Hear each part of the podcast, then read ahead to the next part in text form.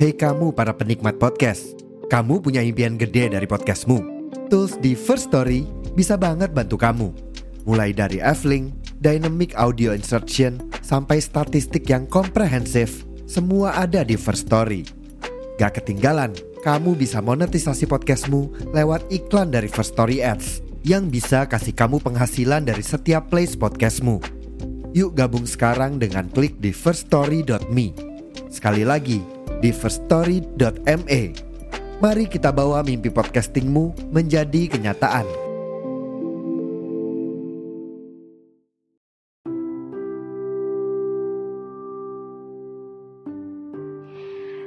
Halo, hmm, jadi hari ini aku bakal bacain salah satu cerita dari pendengar podcast cerita Meldi. Dan mungkin cerita ini bakal aku bagi jadi beberapa part yang mungkin nanti akan update jadi beberapa episode dalam podcast ini.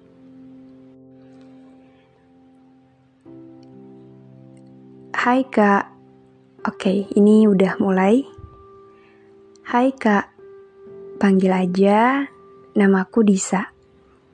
Di sini aku mau cerita tentang seseorang yang sampai sekarang masih aku sayang banget.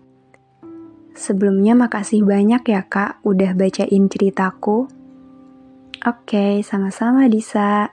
Senang bisa membacakan ceritamu di podcast ini. Sebut aja namanya Hema. Aku suka Hema sejak aku SMA. Dan sekarang aku udah kuliah dan Hema juga udah kerja.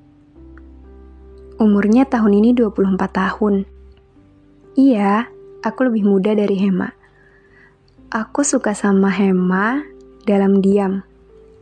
Dan gak bisa ngelakuin apa-apa juga. Aku udah sering reach out Hema duluan. Baik lewat story Instagramnya, atau sesekali basa-basi menanyakan kabarnya lewat DM.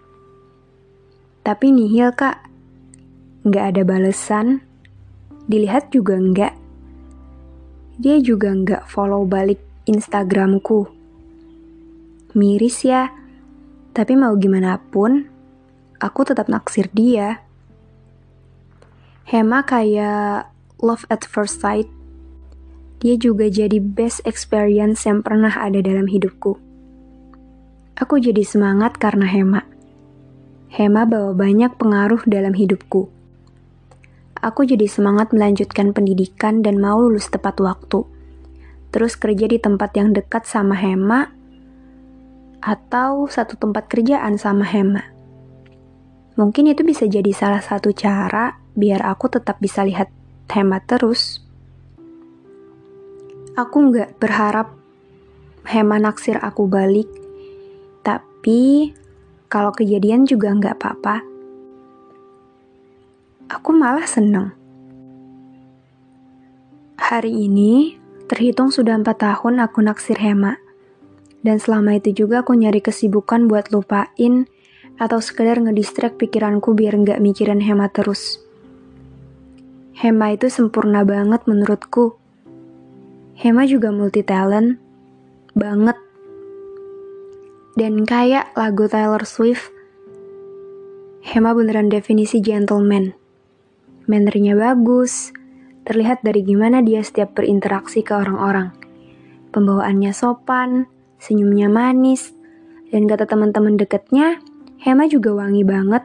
Bahkan di 24 jam kehidupan manusia dalam sehari, Hema tetap wangi. Hema mungkin bukan termasuk ke dalam standar gantengnya orang-orang tapi dia atraktif banget kak. Friendly juga. Di mana aja dia berada, pasti suasananya jadi rame. Dia pandai bikin ramai suasana, tapi dia juga bukan tipikal orang yang asal bunyi.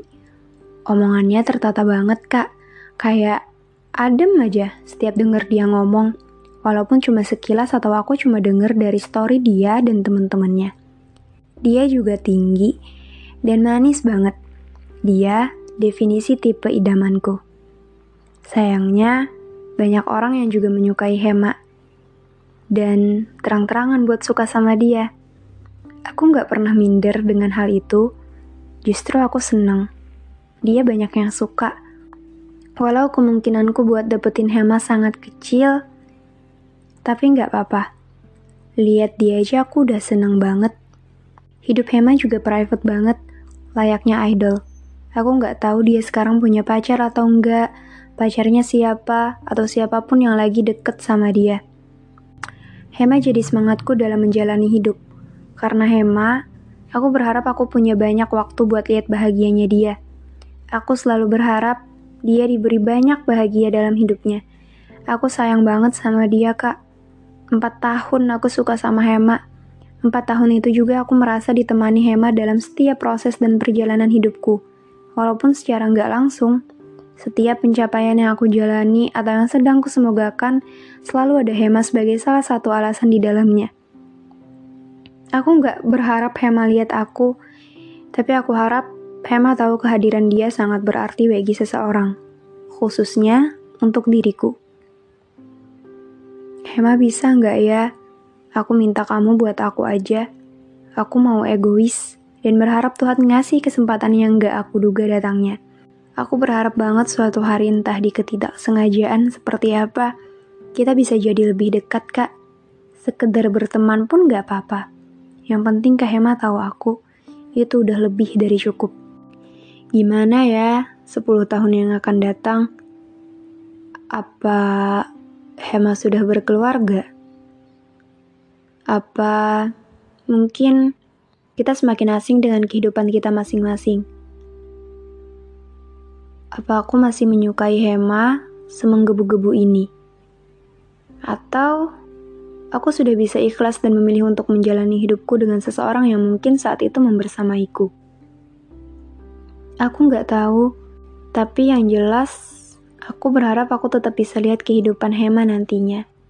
Walau mungkin sebagian aja. Aku ingin mastiin dia baik-baik aja dan hidup dengan bahagia.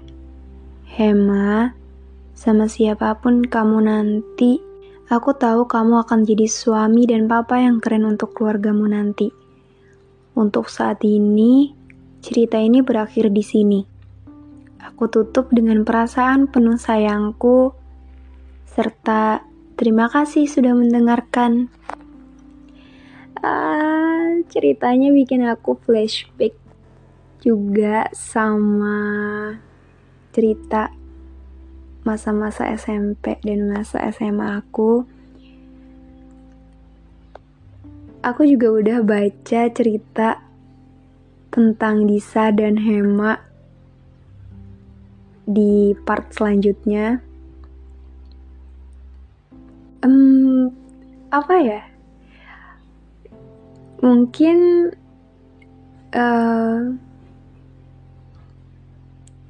aku spoiler dikit mungkin nanti di part selanjutnya kalian bakal